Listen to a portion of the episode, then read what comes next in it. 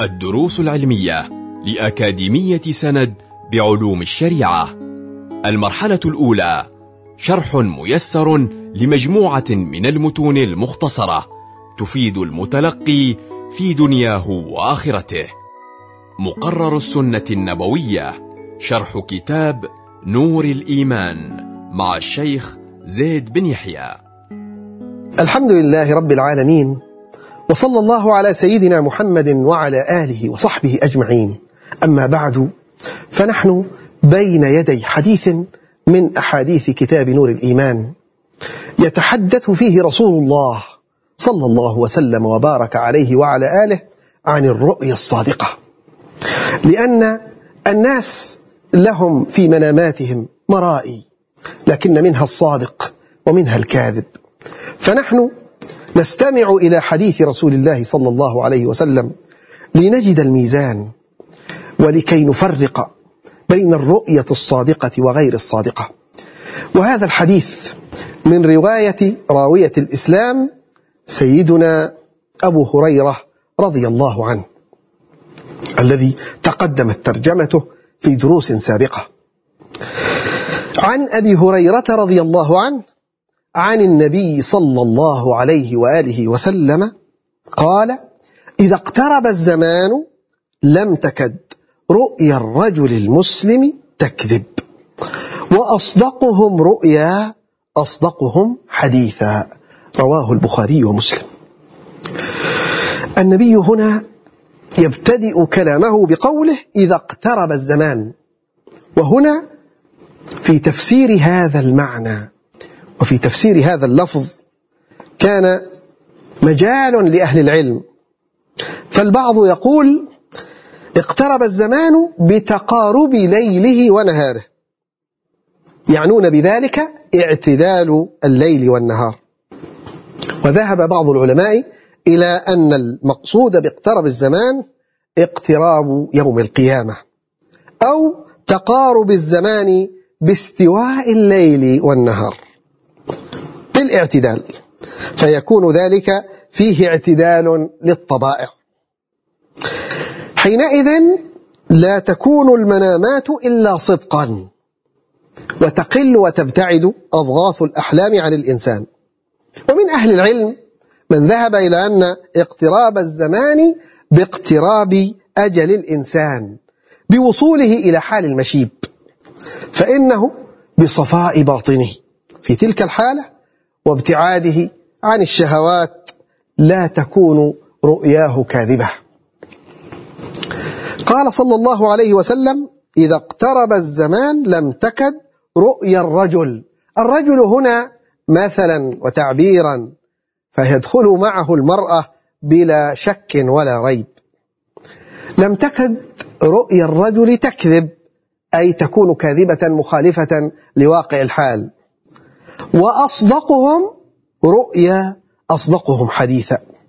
أكثر ما توافق الرؤيا في الواقع الذي يصدق في كلامه مع الناس. وقيل إن هذا يكون في آخر الزمان عند انقطاع العلم وموت العلماء والصالحين ومن يعتد به في قوله وفعله فيجعل الله عز وجل حينئذ الرؤيا جابرة وعوضا ومنبهة للناس. وتمام الحديث ورؤيا المسلم جزء من ستة وأربعين جزءا من النبوة.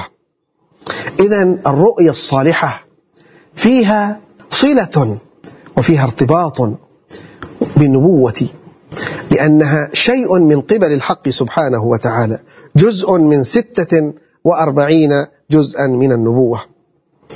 الرؤيا الصالحة هي بشرى من الله عز وجل وتقابلها رؤية التحزين من الشيطان ويقال لها حلم. وهناك من يعبر عن الحلم بالرؤيا لكن الأولى أن نفرق بين الرؤيا الصادقة بين الرؤيا الصالحة فنسميها رؤيا وبين ما جاء من الشيطان ليسمى حلم. وفي الحديث فوائد فمن فقه الحديث صدق الرؤيا عند تقارب الزمان باختلاف المعاني التي تقدمت عن أهل العلم. ومن فقه الحديث أيضا صدق الحديث موجب لصدق الرؤيا. الصادق في لهجته الصادق في محيطه صادقا في رؤياه. الرؤيا الصالحة يقال لها رؤيا كما قلنا والتي من الشيطان يقال لها حلم وقد يقال لها رؤيا. الرؤيا أيضا عبارة عن هدية من الحق منبهة ومبشرة. ولذلك اشتهر عن أهل العلم قولهم الرؤيا تسر ولا تغر. إن غرت فليست برؤية صالحة. إنما يستبشر الإنسان فيها بما فيها من الخير. وفي آخر الحديث قول النبي صلى الله عليه وسلم الرؤيا جزء من ستة وأربعين جزءا من النبوة. هي مذكرة هي منبهة. فإذا طابقت الرؤية الشريعة ووافقت سنة النبي محمد صلى الله عليه وآله وسلم فهي المرجوة وهي الخير. وينبغي للإنسان حينئذ أن يهتم بها وأن يتنبه لما فيها وأن يأخذ بما فيها. وأما إن كانت مخالفة للسنة مخالفة للشريعة فإنها تترك. وتعتبر من أضغاث الأحلام. هذا هو الميزان الذي ينبغي أن نقيمه في ما نراه في مناماتنا. ثم هناك آداب للتعامل مع الرؤية الصالحة. من حمد الله عليها ومن الاستبشار والفرح بها ومن الإخبار لمن نحب دون من يكره. وكما أن هذه آداب للرؤية الصالحة فهناك آداب للرؤية غير الصالحة. وهو أن يتعوذ الإنسان من شرها وشر الشيطان وأن يتفل ثلاثا حيث يستيقظ من نومه على جهة يساره وأن لا يذكرها لأحد وأن يصلي عقبها وأن يتحول من جنبه الذي كان عليه. وينبغي للإنسان أن يحرص على هذه الآداب فإن اقتصر على بعضها أجزأه في دفع ضرها. وزاد بعضهم أدبا وهو أن يقرأ آية الكرسي والأولى أن يقرأها في صلاته. وأما التفل عن اليسار فذكر العلماء أن حكمته طرد الشيطان واستقذاره وخص اليسار لأنه محل الأقذار والتثليث للتأكيد. قال بعضهم أن الشيطان يحترق بالتفل مع التعوذ بالله عز وجل. وحكمة التغيير والتحول من محل النوم التفاؤل بأن يطمئن فيما بقي له من راحته ونومته.